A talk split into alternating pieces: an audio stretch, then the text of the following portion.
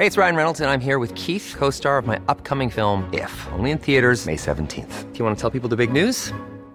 All right, I'll do it. Sign up now and you'll get unlimited for $15 a month in six months of Paramount Plus Essential Plan on us. Mintmobile.com slash switch. Upfront payment of $45 equivalent to $15 per month. Unlimited over 40 gigabytes per month. Face lower speeds. Videos at 480p. Active Mint customers by 531.24 get six months of Paramount Plus Essential Plan. Auto renews after six months. Offer ends May 31st, 2024. Separate Paramount Plus registration required. Terms and conditions apply if rated PG. Wow. Nice. Yeah. What you're hearing are the sounds of people everywhere putting on Bombas socks, underwear, and t-shirts made from absurdly soft materials that feel like plush clouds.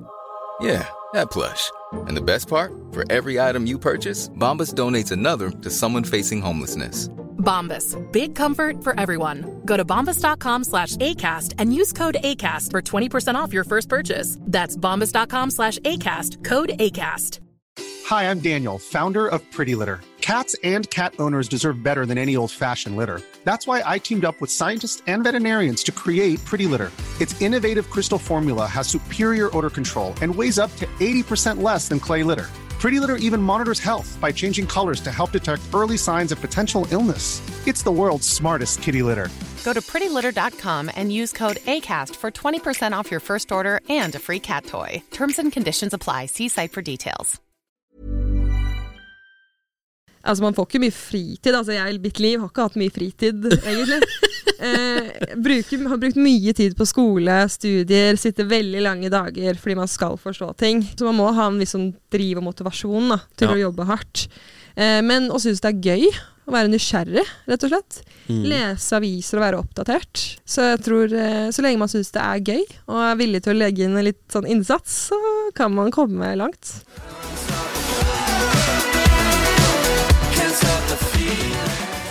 All right, da er vi tilbake med en ny episode av Impressions Pod, og i dag har vi med oss Sara Midtgaard.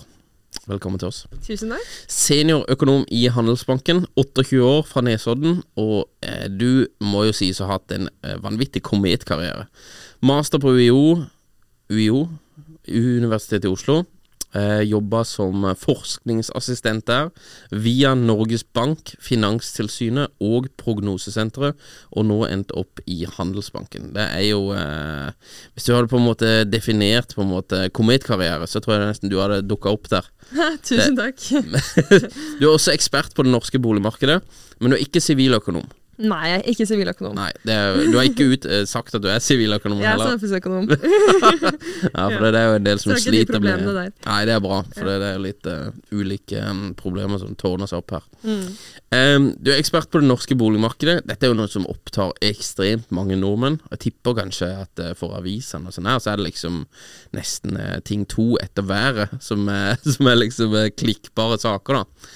Men um, du hadde Jeg leste et statement som du mener at realøkonomien og boligmarkedet i Norge henger veldig tett sammen.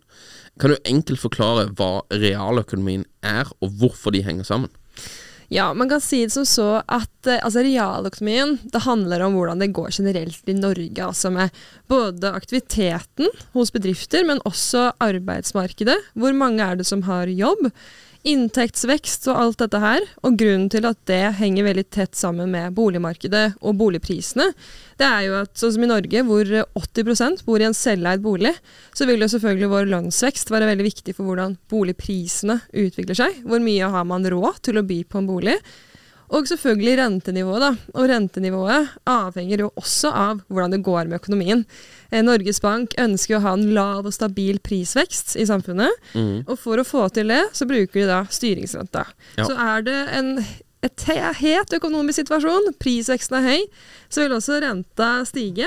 Men da er det også dyrere å låne penger, og renta på det boliglånet blir jo høyere.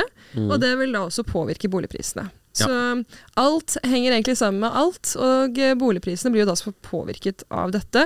Og eh, selvfølgelig av demografiske forhold òg, da. Som Ja. høy befolkningsvekst, endring i demografiske forhold og sånne type ting. Ja, stemmer. Vi hadde jo en, eh, en ganske god oppgang her nå i januar. Det er jo 3,4% etter en, Det er iallfall nedgang i 2023. Generelt nedgang. Det var faktisk en boligprisvekst Var det det? Mm, Ja. Det ble det. Men er det jeg følte det var bare negative overskrifter overalt her? Ja, eller Det som skjedde, var jo at eh, altså Eiendom Norge de eh, har jo nå lagd en ny eh, og bedre boligprisindeks. De har jo nå en litt annen måte å estimere prisutviklingen på, eh, som bl.a. skal fange opp bedre kvalitetsendringer og sånne ting. Um, og den viste egentlig at boligprisen gjennom hele 2023 steg med eh, nærmere 1% Den gamle Ja, okay. boligprisindeksen viste egentlig at eh, årsveksten havnet på 0,25 så det var jo så vidt vekst. Ja. Eh, så ja, det havnet liksom akkurat på plussiden. Men Ja, okay. eh, hvis man snakker liksom om boligmarkedet 2023 eh, sett under ett, da, så var våren ganske sterk Ja. i fjor, og så var høsten svakere enn normalt. da. Ja. Men alt i alt ble det liksom bitte litt vekst, faktisk. Ja. Mm. Men 3,4% oppgang i eh, januar. Eh, jeg leste et sted at i snitt så stiger boligprisen med 2,5% i året. Det kan være at jeg bommer på det også, så du får korrekte meg der hvis det er med. Men 3,4 er jo sinnssykt mye eh, Ja. på én måned. Det er det. Eh, Vanligvis så er jo januar den sånn sterkeste boligmåneden, hvor boligprisene vanligvis pleier å stige med rundt eh, 2,8% Det er det som er normalt for en typisk januar. Mm. Så det her var jo eh, mye sterkere enn det som er eh, normalt. Så når vi da korrigerer for sånne sesongvariasjoner, så steg boligprisen med 0,7% og det er ganske mye for én måned å være. Ja. Eh, Så vi i Handelsbanken tror jeg at boligprisene desember i år er 4 høyere enn desember i fjor. Så Ja. enn så lenge ligger det godt an for den boligprisprognosen vår. Men Ja. eh, det kan jo endre seg selvfølgelig i løpet av året. Ja. Men dette var en eh, veldig sterk eh, januarmåned, og vel den nest sterkeste januarmåneden no altså Eiendom Norge har målt da, i sin statistikk. Men hva er grunnen til at det er så sterkt? Jeg tror Det handler om flere ting. Det ene er jo at aktiviteten, altså arbeidsmarkedet, er fortsatt ganske stramt. Som betyr at vi har en ganske lav arbeidsledighet på 1,9% Det betyr at de aller, aller fleste nordmenn har en jobb å gå til.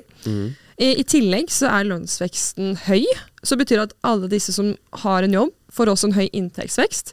Det betyr at uh, når du da justerer for boliglånsforskriften, fem ganger inntekt, så vil du kunne by enda mer på en, en ny bolig da, med en høy lønnsvekst. Og så tror jeg at psykologi eh, spiller også en ganske viktig rolle, eh, spesielt for denne, dette januartallet. NBBL eh, de har sånne undersøkelser eh, hvor de spør husholdninger hva forventer dere om boligprisutviklingen fremover, hva forventer dere om renteutviklingen fremover.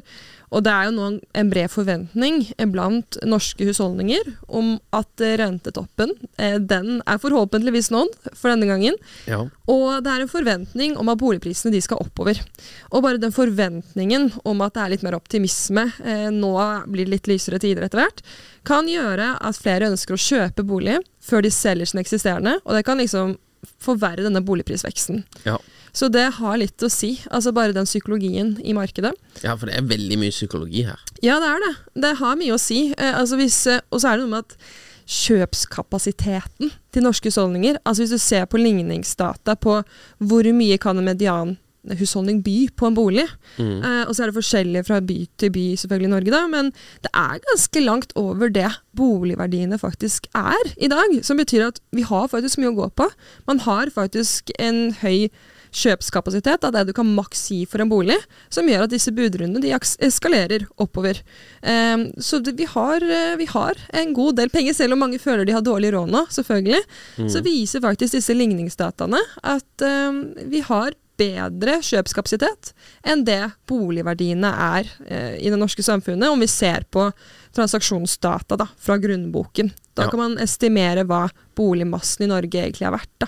Ja, Men hva, hva tenker du rundt For det, det, det er det IMF eller disse her som mener at Norge har så sinnssykt høy gjeld, eh, og at vi er liksom eh, utsatt for eh, på en måte gjeldssprekk, eller hva de, hva de kaller det. Eh, hva- Men du mener at vi har mer å gå på i norske Folk kan bare druse på med bygginga på boliger? Um, Nja, ikke helt. Eh, Vi har en ganske høy gjeld i forhold til disponibel inntekt. Så vi er vel eh, rett etter Danmark, som har litt høyere gjeld i forhold til disponibel inntekt enn det vi har i Norge. Eh, og det som er risikoen, som jeg tror spesielt uh, IMF ser på, er jo at nor nordmenn blir ekstra sårbare for et potensielt større boligprisfall. Ja. Da mister vi en god del av egenkapitalen vår.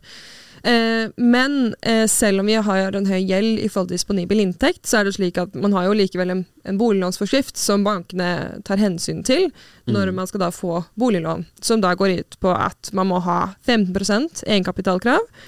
Og så er det fem ganger inntekt da, som gjelder, og denne stresstesten. Og eh, hvis vi da ser på, selv om nordmenn allerede har mye gjeld, hvis vi hensyntar faktisk denne gjelden eh, som nordmenn har, ser på hvor mye kan du da likevel maksimalt nå låne for en ny bolig, så ligger faktisk denne verdien ganske godt over der boligverdiene er i dag.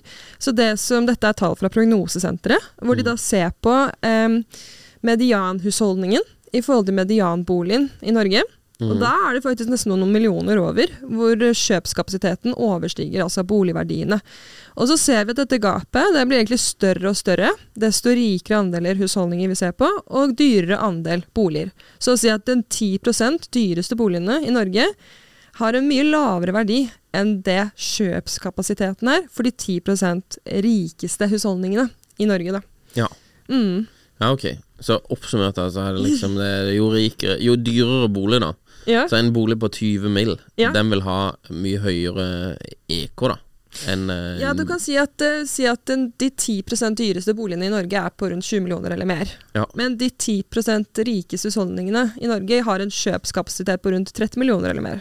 Ja, ok. Så det er liksom der man ser at den differansen blir større og større. Og så er det vel rundt sånn at medianhusholdningen har vel en kjøpskapasitet på rundt eh, 6,4 millioner eller mer, mens medianboligen er på rundt 4 millioner eller mer. Altså det er der liksom den differansen eh, kommer. Ja. Um, så ja, vi er belånt, uh, men det er ikke nødvendigvis gitt at man har makset ut alt ennå, og jeg tror det handler om at vi har vært gjennom flere tiår hvor boligprisene i Norge har steget ganske så mye, fordi renta har på en måte gradvis bestemt satt ned og ned og ned, og det har stimulert til boligprisvekst.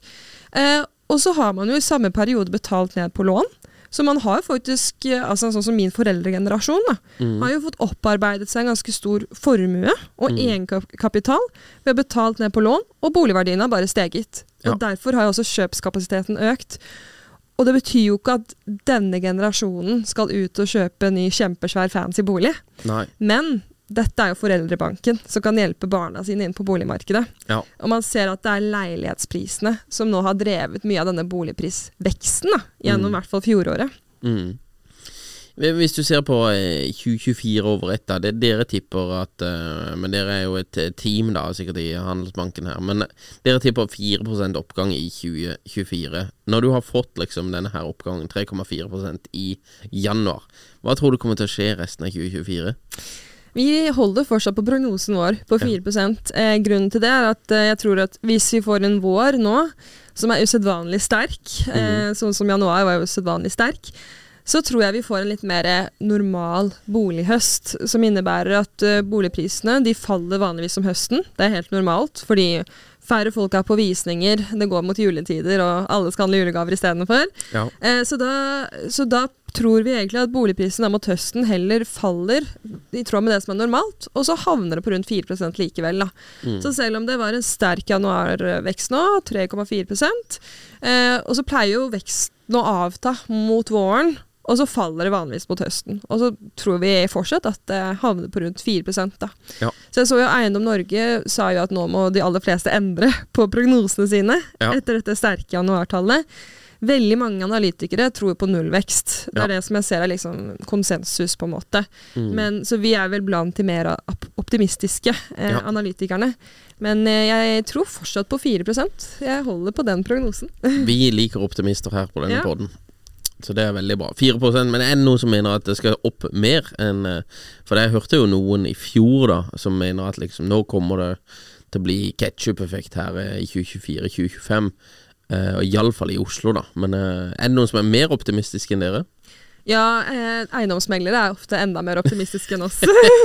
Ja, ja men noen banker, eller på en måte Nei, av bankene er vi klart de med høyest prognoser. Ja. Eh, tror eh, Se Prognosesenteret tror nærmere nullvekst. DNB jeg tror også nærmere nullvekst, og samme med Nordea. Så vi er vel de eneste som har eh, en så høy prognose, da, si det sånn. Ja, Mm. Men det er, for, eh, det er for hele landet, da. Det er for hele landet, ja. Og for Oslo tror vi på 6% Vekst. Ja. Ja, ok. Mm. Så det, her kommer det til å koke litt mer. Ja. Eh, ta boligprisene i Oslo. Eh, det jo, har jo vært eh, valg, og eh, Høyre vant jo valget, og det er nye byråd og dit og dit. Og de har jo på en måte lovt at eh, nå skal vi få opp eh, boligbygginga, for det har jo vært en av prisdriverne i Oslo. Og nå skal vi få i gang dette her. Vi skal kanskje omregulere disse her reglene for hvor små leiligheter du kan ha og sånn her. Hva tror du om boligprisene i Oslo sånn isolert sett? I- Isolert sett så tror jeg at eh, boligprisene i Oslo vil stige en del i år, og det handler om at allerede i 2022 så ble det bygget altfor lite boliger i Oslo. Det var Ja. da vi så det tydelig i igangsettingstillatelsene, altså disse tallene fra SSB, at det var veldig få igangsettingstillatelser som ble- gitt da, gjennom eh, 2022. Mm. Og så tar det jo som regel rundt to år før disse boligene blir ferdigstilt på markedet. Um, og det vi har estimert, er at det blir bygget uh, Altså det kommer 3000 for få boliger på markedet i Oslo i år. Ja. Og det er gitt uh, hva vi tror om husholdningsveksten. Det er jo en høy befolkningsvekst fortsatt i Norge. Mm. Blant annet pga. Uh, innvandring fra utlandet, altså disse flyktningene fra Ukraina. Mm. Men da er det et stort behov for boliger. Um, og det vil da bli bygget altfor få. Og det kommer til, tror vi, å presse opp boligprisene, eh, spesielt i Oslo i mm. år. Men det som også påvirker Oslo-markedet, er det at hvis Norges Bank etter hvert kutter styringsrenta, Mm. så ser vi det som regel har størst effekt på boligprisene i Oslo. Ja. I og med at det har vært en sånn tilbudssideutfordring i mange år, egentlig. Mm. Det gjør at uh, det er der ofte prisen stiger mest, når renta blir kuttet og etterspørselen til boliger øker. da. Ja. Mm. Men, så hva tror du For det, det, nå har vi jo Du nevnte jo ukrainere. Er det 35 000 ukrainere som har kommet til Oslo? Det er nærmest sånn, og nå er det jo blitt eh, ganske mange flere også nasjonalt Ja. gjennom året i år. Mm. Så det er jo på en måte Det er jo god eh, befolkningsvekst, og det bygges ikke nok. Jeg prøvde å kikke liksom hvor det bygges nybygg i Oslo. Og det er Fornebu, det er jo teknisk sett i Bærum, men det er Fornebu, Løren og Ulven Mm. som jeg liksom klarer å se at eh, nærme Oslo at det bygges et ganske godt volum, da. For du har liksom eh, en sånn her eh, prinsesseallé nede på Skøyen, og så har du en liten sak som skal bygges på Bislett. Men det er liksom ingenting som Det drar ikke noe. Det er bare et bygg her og et bygg der, og så er det 20 leiligheter, liksom. Ja. Mens hva, hva tenker du om det der? Det er jo på en måte Det, det, det monner jo ikke. Nei, altså vanligvis så blir det igangsatt og ferdigstilt i Oslo rundt 3000 boliger årlig. Ja. Eh, så det er jo altfor lite. Eh, det er jo på en måte ikke nok til at det skal dekke det estimerte boligbehovet. Og vi ser jo det hvis vi ser litt eh, ja. Sånn som i Lørenskog f.eks. Eh, der har det jo blitt gitt flere igangsettingstillatelser de siste årene enn det estimerte altså husholdningsveksten. Ja. Men det boligoverskuddet i Lørenskog er på en måte ikke nok for å dekke underskuddet i Oslo. Nei. Så det er rett og slett altfor lite boliger. Og, og så er det jo også kanskje vanskelig for politikerne å gjøre veldig konkrete tiltak for å eh, gjøre sånn quick fix på akkurat det problemet. Ja. Selvfølgelig, jeg tenker saksbehandlingstiden kan kuttes ned, og det kan reguleres flere tomter og sånne ting. Men eh, et viktig, altså en viktig grunn til at det blir bygget så lite nå, er jo også fordi at salget av nye boliger har stupt som en stein. Ja. Og ofte så er det sånn at eh, utbyggere må jo i hvert fall selge minst 60% av disse boligene før de kan ta spaden i jorda og begynne å bygge. Da. Mm. Um, og ofte så ser man jo at salget av nye boliger er en ganske sånn tydelig indikator på hvilken vei igangsettingstillatelsene skal. Ja. Så når rentenivået er så høyt som det er, og prisforskjellen mellom en nybolig og bruktbolig er såpass stor, Mm. eh, så ender flere folk opp med å ville heller kjøpe en billigere bruktbolig, fordi Ja. rentenivået er så høyt, enn en dyr nybolig. da. Mm. Så da um, må egentlig etter hvert renta litt mer ned, da, før Ja. etterspørselen etter nye boliger tar seg opp igjen. Ja. Så det er det som må til, egentlig. Ja, for det, dette her er jo som du sier, det, det er jo ikke noe quick fix, liksom. Dette her er jo eh, som å snu et tankskip, altså. Mm. Eh, jeg bare ser Jeg kikker litt ut på Fornebu også, for jeg bor der også, så jeg holder litt grann øye med det. Men der er det liksom Det er en god del eh, prospekter som skulle vært ute, for det er Obos som bygger mye. De skulle vel liksom vært til salgs i 2022, og det bare kommer ikke for salg i det hele tatt. Mm. Så det bare ligger litt sånn her eh, Tenker jeg, ja, det tar jo litt tid fra de liksom skal begynne å selge dette her, til de selger det, til de begynner å bygge, til det er ferdig, liksom. Og eh, det blir jo ikke færre folk, liksom. Så jeg tenker bare dette her må jo liksom prisene i Oslo må jo opp, og de må ganske kraftig opp også. Mm. Og så får du Plutselig så får du liksom eh, Ida som får litt uh, pekkeren og må druse renta ned her. Ikke sant? For det er et eller annet Arbeidsledigheten begynner å gå opp, og så Støre blir stressa og liksom Ikke sant? Ned med renta, da får du på en måte en turbo på hele greia, da. Så du, du er ikke Du tenker ikke hva, hva tenker du om prisene For du tenker prisene i Oslo opp 6% i 2024. Hva tenker du om prisene i Oslo 2025? 9% i Oslo. 9 mm. Og det er da Det er vår prognose. Det er, det er da, altså hvis du måler desember 2025 mm. mot desember 2024. Ja. Så det er ganske sterk boligprisvekst. Så grunnen til at vi har relativt høy prognose for Norge i år, er jo pga. Oslo. Ja. Så omsetningsvolumet i Oslo er ofte rundt 30% av det nasjonale omsetningsvolumet. Mm. Så dersom Oslo trekker ganske mye opp, så påvirker de den nasjonale statistikken også, ikke sant. Og Ja. Samme for 2025.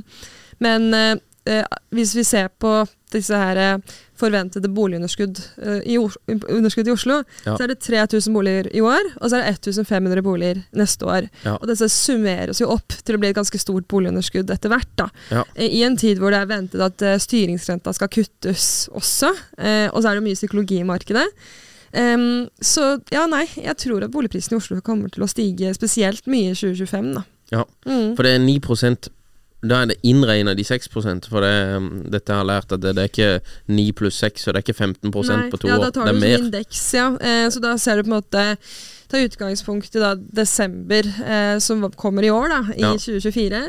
Fra desember 2024 til desember 2025, da er boligprisen da steget, eh, tror vi, med 9% Og det er da etter en vekst på 6% i år, da. Ja. Så det er ganske frisk, frisk vekst. Så det, på to år så er det mye høyere enn 15% Ja, det blir vel egentlig nærmere det. Ja. Blir rundt det. Mm. Så det, ja. Heftige greier. Så hvis du eh, hadde, var utenfor boligmarkedet i Oslo nå og så tenkte deg inn, så hadde du hevet deg på? Jeg personlig hadde gjort det nå. Hvis Ja. jeg var førstegangskjøper og ville meg inn på boligmarkedet i Oslo, Ja. så ville jeg personlig Eller man må selvfølgelig finne en bolig man vil trives i lenge, og vil bo i en god stund. Ja. Men jeg tror jeg ville begynt å kikke nå, jeg. Og dra på visninger og Det er ikke noe vits å vente nå. Jeg ville personlig ikke gjort det, da. Nei. Jeg ville ha sjekket uh, nå, og dratt Ja. på visninger og prøve å finne en bolig jeg hadde likt. Ja. Eh, fordi det vi må huske på er jo at selvfølgelig, nå er vi jo i en tid hvor eh, rentenivået er høyt, og selv om leieprisen har steget mye det siste året, så er fortsatt leieprisnivået for lavt egentlig til at kontantstrømmen skal gå i pluss. Altså, hvis du har en utleiebolig, så er det sånn at du er avhengig av å få inntekter ved leieinntekter. Mm. Og så har du utgifter som er renteutgifter og skatter og avgifter og alle de løpende utgiftene. Mm. Nå er vi i en situasjon hvor rentenivået er så høyt at dette tallet går litt, altså, det går litt i minus da, hver måned for alle de med utleieboliger. I Oslo. Ja, i Oslo, Mm. eh, men eh, også andre steder i Norge òg, hvor det er relativt høy boligprisnivå. Da. Ja. Eh, og da kan man forvente at flere vil ønske å selge unna disse utleieboligene, så Mhm. det isolert sett kan dempe noe av den boligprisveksten. Da. Vi så at det var mange usolgte boliger på markedet eh, deler av fjoråret, spesielt fra sommeren i fjor. Det kan være noe av årsaken, at mange vil selge unna leilighetene sine. Men så må vi huske at etter hvert, hvis rentenivået kommer seg ned, og boligprisene faktisk stiger så mye som de gjør, og vi tror at leieprisene også i år og neste år vil stige en god del, Mm. så kan det begynne å bli litt aktuelt igjen eh, for utleie eh, å kjøpe enda flere boliger for å leie ut. Da kan det bli et sånn plussprosjekt igjen. Ja, men det kan det. Så man snakker om om at det er et sånn stort minusprosjekt, men det kan bli Det kan hende at dette om to år da endrer seg helt. Ja. Og nå er jo også denne her eh, 40% egenkapitalkravet for sekundærboligkjøp i Oslo satt ned til 15 Ja. Så det er flere som egentlig da får muligheten til å investere i sekundærbolig i Oslo. Ja. Så nå er jo ikke det aktuelt i det hele tatt, men om to år, hvem vet? Det kan hende at det blir mer aktuelt. ja. Så du tror at gilden skal opp i Oslo? Um, ja, det kan hende at gilden skal litt opp, men jeg tror det kan bli mer et sånn plussprosjekt etter hvert. da. Nå er det jo et minusprosjekt, men eh, at flere vil se på det som et litt mer plussprosjekt Ja. på sikt. Men det vil jo også da øke på en måte folk som kjøper bolig for å leie ut i Oslo. Og det Mm. vil jo da igjen presse prisene oppover. Nettopp. Så det jeg tror, altså sånn, mer i altså investeringsspekulasjon da, i boligmarkedet, som Ja. ikke er fordi du skal kjøpe en bolig fordi du skal eie den og ha tak over hodet, men mer i den investeringen for å leie det ut, eh, det tror jeg bidrar med å liksom både forsterke boligprisvekst når det først går opp, men forsterke også fallet når det først faller. Ja. Jeg tror det er nettopp derfor det f.eks. falt mye mer i Stockholm og i Sverige nå med de rentehevingene fra Riksbanken enn det Ja. vi har sett i Norge. Fordi at det er flere som leier enn å eie, og det er mer sånn investeringsetterspørsel. da. Ja. Men eh, så oppsummert, nå har vi vært gjennom ganske mange punkter, men eh, det er nesten benkers å kjøpe bolig i Oslo. Jeg kan ikke gi noe sånn investeringsråd, da kan folk saksøke meg. Men uh, våre prognoser er at uh, prisen skal opp, da. Ja. Mm. Det er for mange faktorer som kommer til å på en måte mest sannsynlig drive prisene i Oslo oppover. Ja, vi tror det. Ja. Eh, eh, disse her endringene som Eiendom Norge holder på med i forhold til utregninger og sånn kan du forklare eh, kjapt Vi toucha jo kjapt på det, men kan du forklare hva endringene egentlig er for noen som ikke har peiling på åssen dette funker? Det er jo egentlig en god del endringer de har gjort. De har jo endret egentlig mye av metoden de estimerer eh, boligprisene på. Altså, nå kan det bli litt for teknisk for de som hører på, beklager hvis det blir litt for vanskelig, men den indeksen som Eiendom Norge lager, er en slags eh, det vi kaller for hedonisk indeks. Så det betyr at det skal sammenligne Hedonisk indeks. Ja, det, det, betyr at, det, det det betyr, er at uh, f.eks. hvis en måned så er det veldig mange som har pustet opp boligen sin og legger ut en veldig fancy bolig på markedet, Mm. mens måneden før var det mange sånn oppussingsprosjekter som ble lagt ut på markedet, Mm. så skal ikke det vise en boligprisvekst, egentlig. Du skal Nei. sammenligne likt med likt. Men det er ikke alltid like lett å hensynta kvalitetsforskjeller i boligmarkedet. Nei. Men den nye indeksen skal klare på å hensynta kvalitetsforskjeller i enda bedre grad enn det Mm. den forrige indeksen gjorde. Og så har de jo endret bl.a. disse sesongjusterte boligprisene, altså sesongfaktorene. Eh, Som jeg nevnte litt i stad, er det sånn at ofte stiger boligprisene om våren, og så faller de om høsten. Så for oss er det jo interessant om det er sterkere eller svakere enn normalt. Og det som den forrige indeksen viste, var de brukte noe som heter X11 Arima til å sesongjustere. Nå er det X12 Seats eller et eller annet sånt. Så det er sånne veldig tekniske ting, da.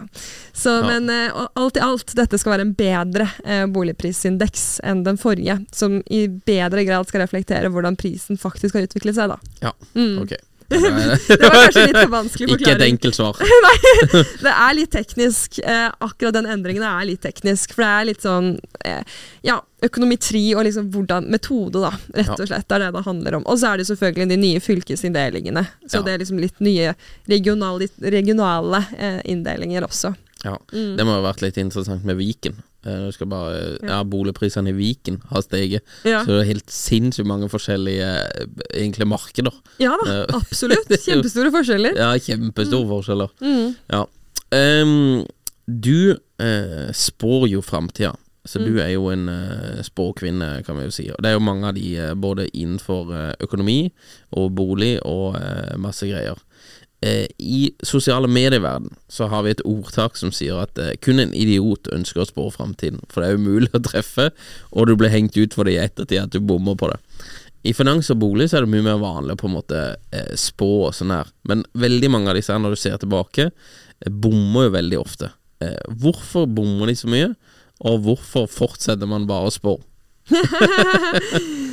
Ja, nei, vi bommer aldri da, så Jeg tror, altså sånn som vi i bank og finans, eh, vi, la, vi lager prognoser likevel. Uansett Ja. om fremtiden er kjempeusikker. Eh, og det handler jo om at eh, Og det handler ikke nødvendigvis om hva prognosene er. Eh, det handler egentlig om historien bak, da, og forstå hva er det som hva er sammenhengene. Og det er da når vi snakker mye med kunder. Eh, vi snakker mye med kunder om hva vi tror renteutsiktene er. Jeg snakker om boligmarkedet blant annet. Eh, og for dem sin del så er det ikke alltid bare prognosen som er viktig, men å forstå hvorfor vi havnet på den prognosen. Ja. Og liksom forstå sammenhengene. Og noen ganger kan disse sammenhengene endres, og så derfor bommer vi. Eller så blir det en krig et sted, og det skjer uforutsette hendelser, rett og Ja. Men for dem så handler det om å forstå det litt, og ha et eller annet å lene seg på, så at de kan lage litt bedre beslutningsgrunnlag for hva de skal gjøre fremover i tid. Da. Ja. Eh, for eksempel eh, hvis man har en bedrift eh, og ikke har noen rentesikring, for eksempel, da. Mm. og så kan man da belyse usikkerhetsmomenter, eh, hva som da kan gjøre at rentene fortsetter å stige, eller hva som er sannsynligheten for at det skal mye ned. Og så kan da kundene gjøre opp en mening om det kan være lurt å sikre eller ikke. Sånne type ting. Det er usikker, altså, fremtiden er veldig usikker. Men for dem så handler det om å få en forståelse av prognosene, ofte lage seg opp en mening selv om hva de tror, Og så handle ut fra det, da. Ja. Eh, og gjøre beslutnings, ha beslutningsgrunnlag, rett og slett. Ja. Mm. Men disse her prognosene som dere lager, det er jo sikkert basert på fortida og sånn her, men de tar, jo eh, De vil jo ikke plukke opp sånne grønne svaner, eller hva de kaller de. Svarte svaner. Svarte svaner, ja. Men det er liksom eh, det der skip stuck i Suezkanalen. Ja. Det, det vil jo ikke en prognose på en måte kunne Og sånne ting skjer jo ikke hele tida, men det, det skjer jo stadig. Så er det krig, og så er det liksom masse ting Åssen på en måte forholder dere til det, eller er det bare liksom Ja, nei, det var Det var liksom Hey, it's Ryan Reynolds, and I'm here with Keith, co star of my upcoming film, If, only in theaters, May 17th. Do you want to tell people the big news? All right, I'll do it. Sign up now and you'll get unlimited for $15 a month in six months of Paramount Plus Essential Plan on us. Mintmobile.com slash switch. Upfront payment of $45 equivalent to $15 per month. Unlimited over 40 gigabytes per month. Face lower speeds. Videos at 480p. Active Mint customers by 531.24 get six months of Paramount Plus Essential Plan. Auto renews after six months. Offer ends May 31st, 2024. Separate Paramount Plus registration required. Terms and conditions apply if rated PG. Hiring for your small business? If you're not looking for professionals on LinkedIn, you're looking in the wrong place. That's like looking for your car keys in a fish tank. LinkedIn helps you hire professionals you can't find anywhere else, even those who aren't actively searching for a new job but might be open to the perfect role. In a given month, over 70% of LinkedIn users don't even visit other leading job sites. So start looking in the right place. With LinkedIn, you can hire professionals like a professional. Post your free job on linkedin.com/people slash people today. Rød svane, så vi fikk ikke fatt i dette. Eh, ja, nei, det er jo selvfølgelig veldig vanskelig å forutse sånne svarte svaner. Det er jo ofte Altså, markedet eh, Vi ser jo både ofte på aksjemarkedet og rentemarkedet. Det skal jo i utgangspunktet hensyn til alt som kan skje i fremtiden. Det er det som er priset inn. Ja. Men så skjer det ofte uforutsette ting da, som gjør at det beveger seg opp og ned. Eh, og det er jo vanskelig å hensynta, men spesielt nå, da, hvor det er mye som skjer i den geopolitiske situasjonen, så handler det om å prøve å måte, se forskjellige scenarioer, da. eh, og være åpen for oss og kunder, hva er de forskjellige utfallsrommene og scenarioene her. Så eksempel eh, konflikten i Midtøsten, da. Eh, Det er jo ikke sånn en høy sannsynlighet, men det kan på en måte forårsake at oljeprisen dobler seg hvis Iran involveres og blokkerer f.eks. Hormuzstredet. Ja. Fordi det er en veldig viktig passasje for transport av olje, f.eks. Mm. Det er en veldig liten sannsynlighet for at det vil skje, men det kan skje.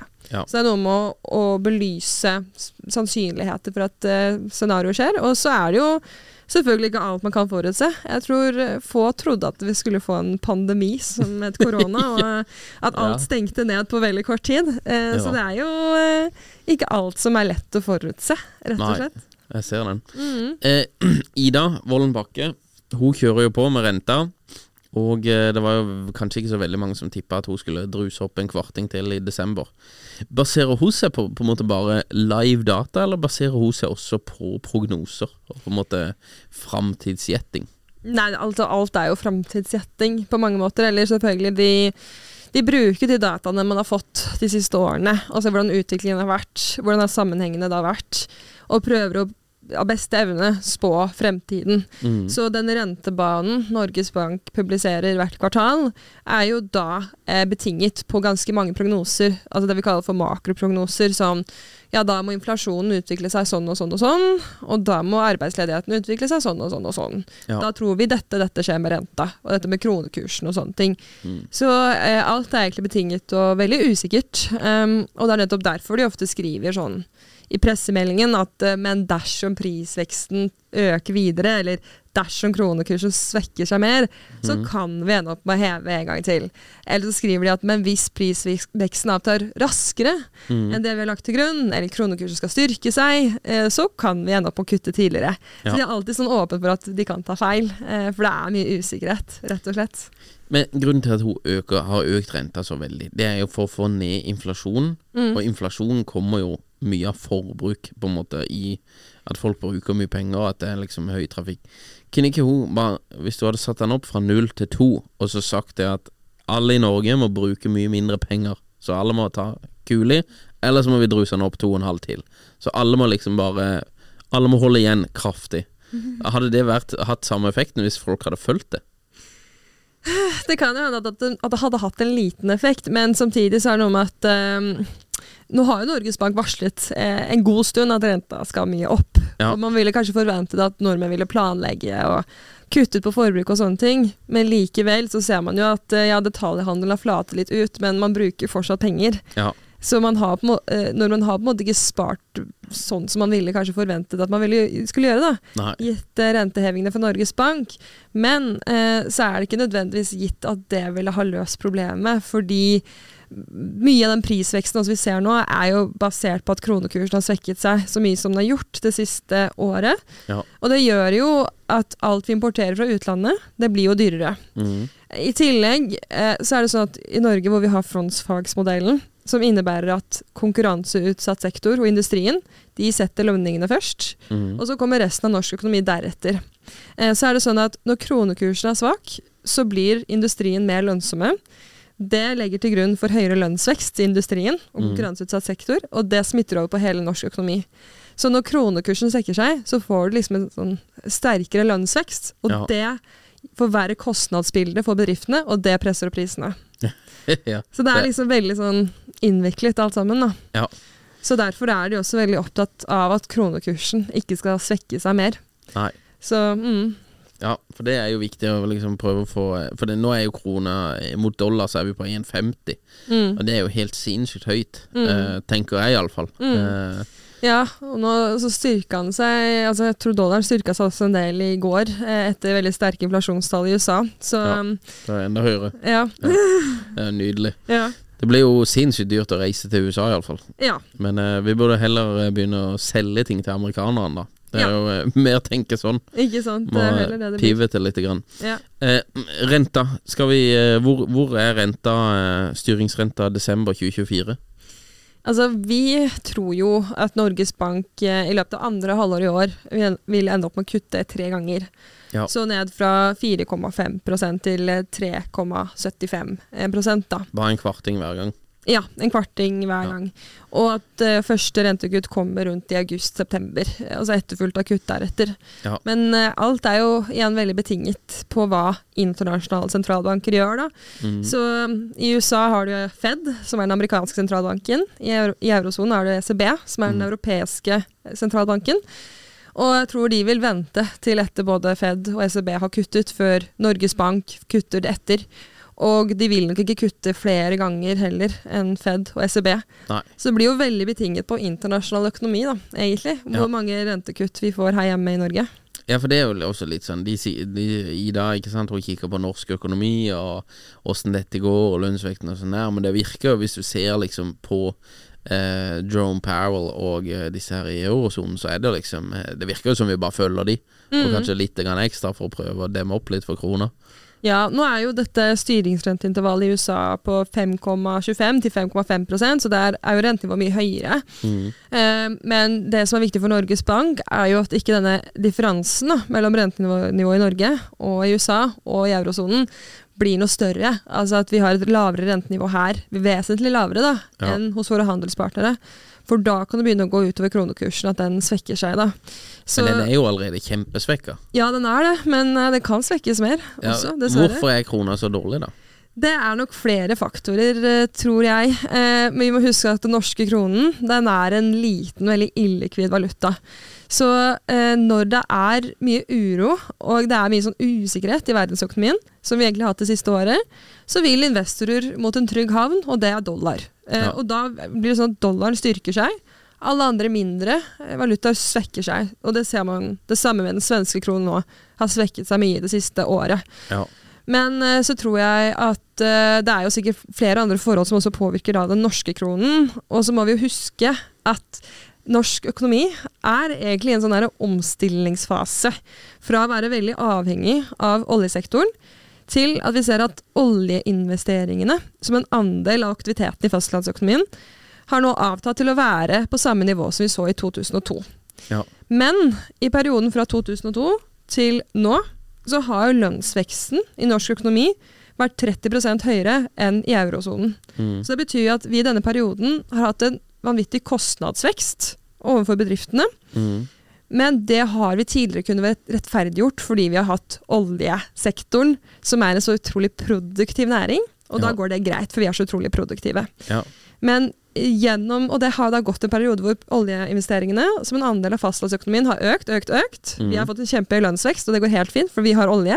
Men når oljeinvesteringene som en andel av fastlandsøkonomien har falt, og er nå tilbake til der vi var i 2002, så kan vi liksom ikke rettferdiggjøre det høye kostnadsnivået lenger.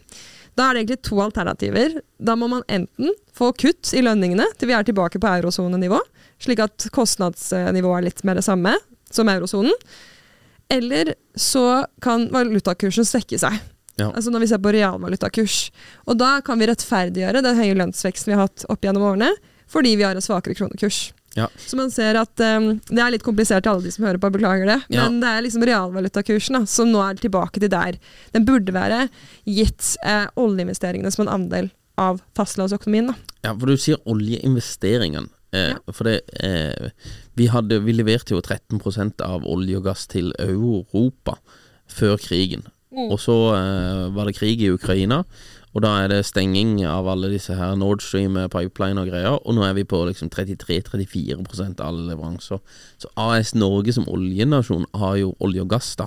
Det har jo aldri gått eh, bedre. Det fosser jo inn gryn her. Olje, eh, altså Veksten i oljeinvesteringene i fjor var på et høyt nivå, og samme kan man forvente i år. At det er liksom rundt 8% vekst, som er ganske høyt. da. Men det er investeringer Men du sier, ikke det- inntekter. Nei, det er ikke inntektene. Man er opptatt av eh, investeringene. Ja. Eh, altså in, Husk at inntektene fra olje og gass går rett til pensjonsfond utland. Ja. Så det påvirker egentlig ikke fastlandsøkonomien. Ja, okay. Fordi det, alle de inntektene oljeselskapene får, går rett til utlandet. Altså fordi den, av den høye skatten. Mm.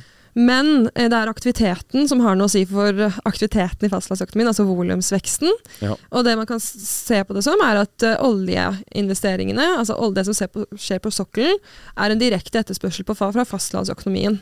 Men det vi da ser, er at oljeinvesteringene som en andel av totale veksten i økonomien, er rundt 5% nå. Altså Mm.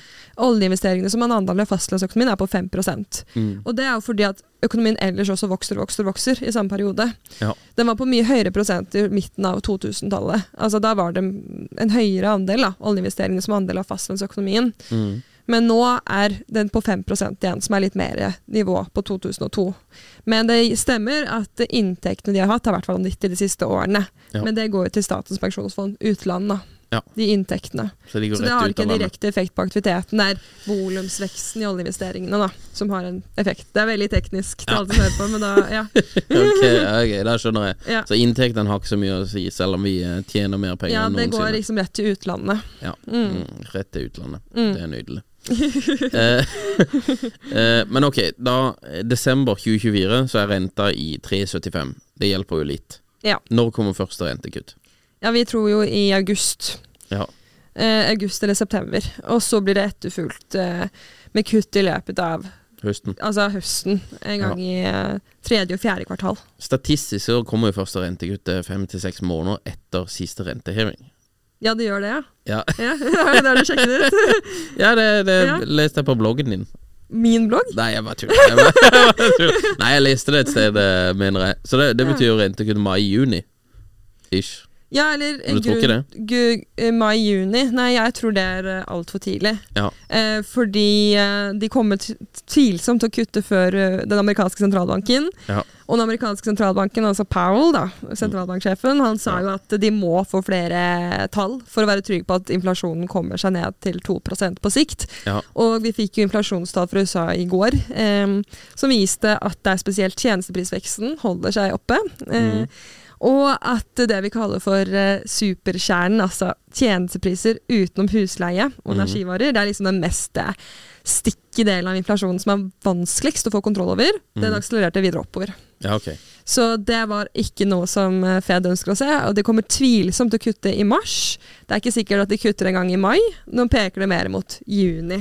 Ja, okay. Og hvis ikke den amerikanske sentralbanken kutter før i juni, så vil ikke Norges Bank vente Altså, de venter et kvartal, i hvert fall, Ja. før de begynner å kutte, da. Ja, ok. Ja. Men du tror ikke Powell kommer til å kutte for å beholde jobben?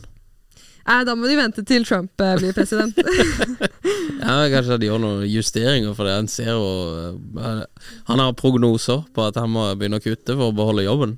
Å ja, nei, altså de sier jo Altså, i prognosene, det er jo I USA har de det vi kaller for et dot plot. Mm. Um, Så da har du på en måte flere av disse Federal-medlemmene som har en sånn forventning om hva, hvor er renta ved utgangen av året. Ja. Og da har de pekt på at det blir ca. tre rentekutt Ja. i USA da, gjennom året. Mm. Men eh, de, altså, i Fed har ikke de vært noe sånn tydelig på at det blir nøyaktig mars eller det blir nøyaktig mai, eller sånn spesifikt tidspunkt. Ja. De betinger det alltid, så de sier at uh, prisveksten i USA må være i den tilstand at de vet de kommer ned på 2% på sikt. Og da er de veldig opptatt av månedsveksten i prisveksten. Ja. For at hvis månedsveksten avtar, så vet de at det kommer seg ned etter hvert. Ja. Men uh, de er ikke helt trygge på det ennå, dessverre. Mm. Nei, vi får satse på at eh, renta blir kutta ganske kjapt, altså. Ja, jeg håper jo det, da. jeg har mye boliglån selv, så. ja, sånn er det. Ja, ja, Ja. Men inflasjonen spiser det lånet etter hvert Ja uansett, så det, det ordner seg. Mm. Eh, eh, eh, føles det å få betalt for å gjette? Det er kvalifisert gjetning, da. Nei da. Det er jo Men det er jo det Altså, gjette og gjette. Eh, det viktigste er eh, årsaken til hvorfor vi tror prognosen er som de er, altså analysen bak det. Ja. Eh, og det er jo for de kundene våre, da. For Ja. å ha en liten sånn pekepinn på hvordan ting går. Og um, da er det ikke nødvendigvis prognose som er det viktige, men hvorfor er prognose som de er, da. Og forstå disse sammenhengene. Så det er derfor vi blir betalt for å gjette. ja. Det er jo en herlig jobb det å bli betalt for å gjette, Ja. men eh, det krever jo mye. Uh, ta litt grann på, på eh, Twitter. Du er jo på Twitter, uh, og du er jo mye i media og uttaler og sånn der. Og på Twitter så har du fått litt grann tyn, og det er liksom, ja Ulike greier, da. Hva, hva tenker du om eh, det, det- går litt grann på at du er dame, det går litt grann på at du er ung, og litt sånn der. Hva tenker du om det når du liksom åpenbart er mer enn kvalifisert nok til å ha den tittelen og på en måte uttale det sånn som du gjør? Nei, altså Altså På en måte skjønner jeg dem jo litt, eh, med at man er eh, Altså Da var jeg jo 26 år gammel seniorøkonom. Det høres Ja. veldig ungt ut. Og jeg tror det er veldig nytt for mange at det er eh, en såpass ung jente som jobber i finans og uttaler seg utad, da, og skal ha sterke meninger om ting. Ja, ja, men Eh, hvis du ser på historien din, eller Ja, ja. Men det vet jo ikke de. Eller sånn, helt åpenbart tror jeg de ikke vet eh, det. Ja. Og eh, det er jo aldri Altså Hvis det hadde vært en sånn konstruktiv eh, kritikk, da, eller konstruktive tilbakemeldinger på analyser, Ja. så tar jeg det seriøst og vil se på det og ha en diskusjon. Ja. Eh, men det er jo eh, aldri det. Nei. Det er jo enten, eh, ja, enten om det er utseende eller alder, eh, som, eller at jeg er jente eller blond, som de bryr seg om. Ja. Så og det er jo ikke noe konstruktivt i det hele tatt. Eh, og det handler nok om at eh, de, de kan ikke så veldig mye selv, Nei. tror jeg. Eh, jeg skal være helt ærlig. Ja. For da har de ikke lest analysene, og da har de på en måte ikke satt seg inn i det. For Nei. hvis de hadde satt seg inn i det og faktisk kommet med kritikk på det, så hadde kommentarene vært noe helt annet. Det hadde vært noe mer konstruktiv kritikk, men det er det jo ikke. Nei. Så da har du ikke lest saken ordentlig, eller så har du ikke lest analysene våre, rett og slett. Nei. Og eh, heller ikke ja, sett på CV-en min, da, åpenbart. Nei. Ja. Det går ikke inn på det. Ja, eller innimellom selvfølgelig kan de jo gjøre det. Ja. Eh, men, eh, men samtidig så tenker jeg innimellom at det hadde vært litt gøy å tatt med noen av de Twitter-trollene på en hverdag, en arbeidshverdag, Ja. og sett hva jobben faktisk innebærer. Eh, fordi det man kommenterer i media, er en ekstremt liten andel av Ja. all den jobben som gjøres. Eh, sånn, vi er jo ofte på jobb klokka sju på morgenen, Mm. og da skal vi finne ut av hva som har skjedd i Asia i løpet av natta. Skrive om sentralbanken i Kina eller om sentralbanken i Japan. Det er ofte liksom det er ikke disse tingene som alltid kommer frem eh, i media, altså liksom disse 90-gritty detaljene. Ja. Og i løpet av en dag så snakker vi masse med kunder, og det er jo profesjonelle kunder som har en viss forventning til kunnskapsnivået Ja, ja. hvis de først skal møte oss. Mm. Men det her ser jo ikke Twitter-trollene, eh, på en måte. Eh, så da vet jo ikke de hva jeg gjør i løpet av en dag. Nei. ja. Eh, Hvorfor bruker ikke Handelsbanken mer sosiale medier til å vise fram dette her? På Instagram eller TikTok TikTok eller sånn? Det må du spørre kommunikasjonsavdelingen om. Ja, kanskje Eh, burde kanskje det? de skal gjøre det, kanskje de skal tipse dem om det. Ja. Lage en egen sånn Instagram-account om eh, Ja, burde, det hadde vært kult, det. Ja da, det hadde jo vært litt gøy. Ja, En dag med Sara Midtgaard. Da må du løpe, holdt jeg på å si. Fordi jeg føler ofte jeg liksom løper i tog og løper til flyplassen og liksom løper overalt for å Ja. rekke ting. Fordi det er ofte ganske ja, fulle, fulle kalendere. Ja, Ja. Få sett noen som er godt trent på det. Ja, ikke sant? filme. Skal løpe etter. Løpe etter. Ja. Ja, ok. Nei, men så, så Twitter, det, går ikke, det er ikke så veldig mye å hente der. For det, jeg har bare sett noen av de Det er jo mange som forsvarer det også, inkludert han der i Eiendom Norge og sånn her. Og bare Ja. Ja, eh, liksom Hun Mm. her har mye mer peiling enn eh, Mm. det du uh, insinuerer her, liksom. Mm. Men eh, Nei, det er jo litt sånn der, eh, interessant det der, altså, for det, det er jo bare ja. Noen virker som bare de får et kick av å kjøre noen kommentarer, liksom. Ja, altså De får gjøre det. Det er deres hobby, da. Hva Ja. kan man si? Da har ikke de så mye annet å gjøre i løpet av dagen. Og det er jo litt trist for dem, tenker jeg. Ja. Men uh, Nei, jeg får tenke all Ja. PR er god PR. Ja, nei, det tror jeg ikke. Jeg tror ikke all PR er god PR. Men uh, igjen, hvis det hadde vært konstruktive ting, da, Ja. så kunne jeg nok brydd meg mer. Eller startet en debatt eller diskusjon. Ja. Men det er jo dessverre ikke det der. Det er jo veldig Altså, om jeg har blondt hår, brunt hår, hvem bryr seg? Nei, Nei krona går der hvor den går uansett. Ja, altså, er Noen må finne ut av det. Ja. Ja. Um, du har jo eh, Vi toucher jo bare kjapt på karrieren din og sånn her. Du har jo en veldig uh, fin CV, må jeg jo si. Har du på en måte tenkt hele tiden at uh, dette skal du gjøre, og på en måte jeg skal bli seniorøkonom, eller jeg skal jobbe med dette, eller har det vært, har det vært planmessig? Eh, Jeg har alltid tenkt jeg vil jobbe med makroøkonomi, eller Ja. sånn økonomi. Eh, og det har vært liksom fordi jeg tenker at jeg syns det er kjempegøy og Mm. interessant. Og jeg er veldig sånn nysgjerrig Mm. på det. Men jeg har aldri tenkt sånn at dette skal bli min CV, på en måte. Eh, det har jeg ikke.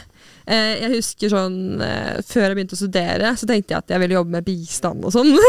Ja. Eh, og, så, og det er jo mye sånn samfunnsøkonomi i det òg. Ja, ja. Men når jeg startet på studiet og sånt, så innså jeg at at pengepolitikk og liksom makro er kjempegøy. da. Ja. Fordi det, har så, altså det er jo så komplisert, og det er så mange sammenhenger. Mm. og det er det, tror jeg det jeg syns er så morsomt. Mm. At det ikke er helt rett frem. Alt har en sammenheng med alt. Eh, og så var jeg sikkert veldig heldig da, og fått eh, forskningsassistentjobb for Steinar Holden, som er altså Norges fremste makroforsker, vil jeg si. Mm. Eh, nå er i styret i Norges Bank, eh, og jeg fikk en sånn studentengasjement i Norges Bank også. Og det har kanskje formet eh, karriereveien videre, da. Ja. Jeg jobbet jo med finansiell stabilitet Mm. i Norges Bank, mye med boligmarkedet og næringseiendom. Og det var mer i sånn perspektiv av finansiell stabilitet og hvordan måtte, det er relevant med tanke på at eh, ja, et større fall i boligprisene er jo veldig Nordmenn er veldig sårbare for det, fordi Ja. vi har mye egenkapital i bolig. Og da begynte jeg å tenke at eh, jeg vil jobbe i Finanstilsynet, da. Fordi mm. det er jo mye finansiell stabilitet og det å regulere banker og sånne type ting. Mm. Um, men så tror jeg på en måte at veien videre har på en måte vært at uh, kanskje ikke alt har vært som jeg hadde forventet. da. Nei. Eh, for jeg har alltid hatt lyst til å jobbe med analyse og liksom tall og litt mer makrobilde. Og så hadde jeg kanskje forventet at de jobbene skulle være litt mer det. Mm. Og så er det kanskje mer juss, da, som også har vært gøy, selvfølgelig. Mm. Men det var liksom ikke akkurat det jeg ville. Nei. Så jeg har jo på en måte vært hvert sted i ett år eh, før jeg bare nei, dette var ikke helt for meg, og så har jeg gått videre, da. Um, og samme prognosesenteret eh, var jo mye, veldig mye gøy da, eh, Ja. der òg. Fikk jobbe mye med råvarer blant annet, og byggekostnader. og når jeg startet der, det var på en måte en tid hvor også råvareprisene skjøt fart. Det var da på en måte inflasjonen virkelig startet. Mm. Så det var veldig spennende, men samtidig ville jeg liksom gå enda mer i 90 gritt i makrodetaljer. Og så kom jo på en måte da drømmestillingen i Handelsbanken ut. Ja. Altså sånn, Når jeg leser en stillingsannonse, er det sånn, det er jo akkurat dette jeg vil holde på med. altså sånn, ja, men virkelig, altså Det med å liksom grave litt i detaljer i tallene. og og så hadde fokuset på boligmarkedet. Mm. Handelsbanken har jo mye eiendomskunder, og Mm. kunder som er veldig opptatt av bolig og ja, næringseiendom. Da. Ja. Uh, Så de trengte da en person som kunne en del om både bolig og næringseiendom, men også den makrodelen.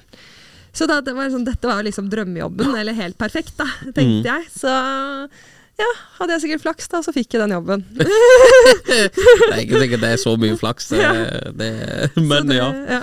Eh, Har, har du noen tips på en måte til folk som eh, ønsker å gå litt samme vei som du har gått? Mm. Jeg tror det er bare viktig å ha det engasjementet, og, og synes at det er gøy og interessant. Og fordi jeg tenker at Altså, jeg skal være helt ærlig og si at eh, Altså, man får ikke mye fritid. Altså, jeg i mitt liv har ikke hatt mye fritid, egentlig. Eh, bruker, har brukt mye tid på skole, studier, sitter veldig lange dager fordi man skal forstå ting. Ja. Eh, så man må ha en viss sånn driv og motivasjon da, til Ja. å jobbe hardt. Eh, men å synes det er gøy å være nysgjerrig, rett og slett. Mm. Lese aviser og være oppdatert. Ja. Så jeg tror, eh, så lenge man syns det er gøy, og er villig til å legge inn litt sånn innsats, så kan man komme langt. Ja. Ja. På en skala fra én til ti, hvor eh, disiplinert vil du si at du selger? Åh, jeg vil jo ikke holde på sånn selvskryt, da. Men jeg tror helt ærlig ikke jeg hadde vært her hvis jeg ikke hadde hatt litt sånn selvdisiplin. Fordi at, men du skal se litt kalender. Ja, men sånn, eh, fordi at, bare tenker sånn fra studia, eksempel. Ja, Eh, veldig mange tar jo sånn skippertak og leser siste måned, og da håper at dette går fint. det gjør ikke du. Eh, nei, det, jeg starter på en måte fra starten av året og lager Tines kalender, altså tolv timer hver dag. Litt sitte og lese opplegg. Det er ikke tull. Eh, og lage liksom eksamener for meg selv flere måneder før den faktiske eksamener. Ja, Eh, så jeg, grunnen til at jeg da har fått gode karakterer og de jobbene, er fordi at jeg har virkelig sittet og disiplinert eh, den kalenderen og skal lese hva jeg skal fra dag til dag og sånne type ting. ja. Og den har du fulgt også. Ja da, Ja. jeg har jo det. Så det er, der kan vi egentlig stryke dette at det er flaks. Eh, okay, på, på, på at du fikk Man denne må ha litt disiplin, ja. Det Ja. tror jeg man må ha. Ja. Mm. Men du er ganske produktiv også. Du gjør jo veldig mye. Har du Mm. noen tips for å være mer produktiv? Hmm. Bare fokusere på det som er viktig, Ja. tenker jeg. Um, og så ja, Jeg tror bare liksom trening gjør mest råd på dette. Vi skriver veldig mye i Handelsbanken. Altså, vi skriver hver dag en morgenrapport som skal ut klokka åtte på morgenen. Ja. Skriver alltid kommentarer før tall, alltid etter tall. Så jeg tror på en måte bare den treningen gjør at man bare blir drilla etter hvert. Ja. Og vi har veldig få rutineoppgaver. Altså alt blir som måte gjort automatisert eh, ved modeller og ja, eh, forskjellige programmer. da. Så Ja. bare må automatisere så mye som overhodet mulig. Mm. Og gjøre det for seg selv, så man slipper å gjøre rutineoppgaver, men bare gjøre det som faktisk er viktig. Ja. Og så blir man bare produktiv desto mer man gjør det, Mm. tenker jeg. Ja. Rett og slett. Og, og ha en liksom timeplan, da, så man vet at innen da og da skal man liksom ha gjort ferdig Ja. forskjellige oppgaver. da. Ja. Mm. Men du jobber mye kvelder også? Ja, og eh, det som er markedet er jo eh, lever om kvelden, holdt jeg på å si. Ja. Og vi skal jo skrive hver dag om hvordan markedet sluttet uh, i USA, altså med SMP og Nasdaq. Ja. Så da må man jo sitte på kvelden og lese, skrive og lese eh, hvordan det gikk i USA på kvelden. så man må jo det. Og så er, jo markedet, så er jo markedet i, i Asia om natta, Ja. så man kan jo jobbe døgnet rundt om man vil. Men uh, man må prøve å få litt søvn òg. Ja, men det de jobber her, er det er jo en livsstil, høres det nesten ut som. Ja, det blir litt det. Ja. Men da er det jo veldig opp til seg selv å uh, sette av tid til andre ting, da. Ja. Man styrer veldig sin egen kalender, egentlig. Jeg ser den. Ja. Eh, siste før vi runder av her. Boktips. Har du noe, leser du noen kule bøker, eller hva, hva leser du? Jeg leser lite kule bøker, skal jeg være helt ærlig. Ja. Jeg leser mest aviser. Altså Det blir mye sånn Financial Times og Ja. eh, I og med at vi skal være så oppdatert hele tiden, så føler jeg bruker mye av min tid, også i feriene, for å si det sånn, Ja. eh, på å lese nyheter. Ja. Fordi eh, ja, journalister de kan ringe når man er på stranda i Spania, på en måte, og da burde man ha fått med seg hva som har skjedd. Ja. så, eh, så egentlig går mye av tiden til å lese aviser. Ja. Og, eh, og jeg er nok mer sånn som leser mer faglitteratur enn Ja. skjønnlitteratur. Jeg har alltid likt det bedre. Bare, ja, Ja. litt sånn. Ja. Så nei, det blir mye nyheter, egentlig. Ja. Mm. Jeg ser den. Mm. Hva er beste eh, nettstedet å holde seg oppdatert på liksom, finansnyheter i Norge? Og nå skal jeg til å si Financial Times, og så sa du Norge. Men eh, nei, altså jeg vil si at eh, altså, du har jo selvfølgelig både Finansavisen, E24 og DN, da, Mm. som er de liksom tre store finansnyhetene i Norge. Men så vil jeg si de er litt også forskjellige, på et vis. Jeg vil si at eh, Finansavisen er jo litt mer sånn nisjeavis, som er litt for de spesielt interesserte. Mm. Så det, de vil jeg si går litt mer i kanskje detaljene på ting. Mens DN er nok litt mer sånn samfunns- og politisk orientert. Mm. Og så er det E24 som er litt sånn litt imellom, Ja. begge to, da. Så alle er eh, fine aviser på hver sin eh, måte. Ja, det er veldig politikersvar, altså. Ja. det er, alt er bra. Ja da. Alt er bra. Nei, men nydelig. Eh, takk. Da eh, oppsummert, da, så er det 6% opp i Oslo i 2024. 9% opp i 2025. Renta skal ned 0,75. Så dette her kommer til å gå som kule. Hvis du skal inn på boligmarkedet i Oslo, så er det bare å kline til. Ja, dette er ikke en investeringsråd, men jeg hadde gjort det. Hvis jeg var førstegangskjøper. Ta forbehold om at ingen kan bli saksøkt for dette her, men Ja. eh, ja. Mm. Det er liksom investeringer eh, Jeg kan ta det som et Det er investeringsråd fra meg. Eller eh, det er kanskje ikke lov, det heller. jeg vet ikke. Ja, Da tar du investeringsråd fra en eh, som ikke har peiling, iallfall. Ja. Men Sara, utrolig eh, spennende. Utrolig kult å prate med deg. Takk for alle spådommene. Det setter vi pris på. Vi liker spådommer her. Og så ønsker vi deg bare masse lykke til videre. Forresten, er du, er du aktiv på sosiale medier noe sted? Hvor er Ja. det best å følge med på det? Um, kanskje Twitter og LinkedIn. Ja, Ja, det er der jeg er. Ja. Da er det bare Sara Midtgaard. Eh, ja. Ja. Eller på Twitter er det vel Midtgaard Sara. Ja, Midtgaard Sara. På LinkedIn er det Sara Midtgaard. Ja. Ja, ok. Ja. Ja, du kjørt en sånn her ett navn først der? ja, eller det var fordi at uh, Sara Midtgaard er tatt allerede på Twitter. Ja, ok. Så blir det Midtgaard Sara. Ja, ok. Nei, men på Twitter, da. ja. Følger der. Ja. Sara, tusen takk for at du kom. Veldig interessant å prate med deg. Og så, ja, takk for at du Takk kom. selv. Hey, it's Paige DeSorbo from Giggly Squad. High quality fashion without the price tag. Say hello to Quince. I'm snagging high-end essentials like cozy cashmere sweaters, sleek leather jackets, fine jewelry, and so much more. With Quince being 50 to 80% less than similar brands. And they partner with factories that prioritize safe, ethical, and responsible manufacturing. I love that. Luxury quality within reach. Go to quince.com slash style to get free shipping and 365 day returns on your next order. Quince.com slash style. When you make decisions for your company, you look for the no brainers. If you have a lot of mailing to do, stamps.com is the ultimate no brainer. Use the stamps.com mobile app to mail everything you need to keep your business running with up to 89% off USPS and UPS. Make the same no brainer decision as over 1 million other businesses with stamps.com. Use code PROGRAM for a special offer. That's stamps.com code PROGRAM.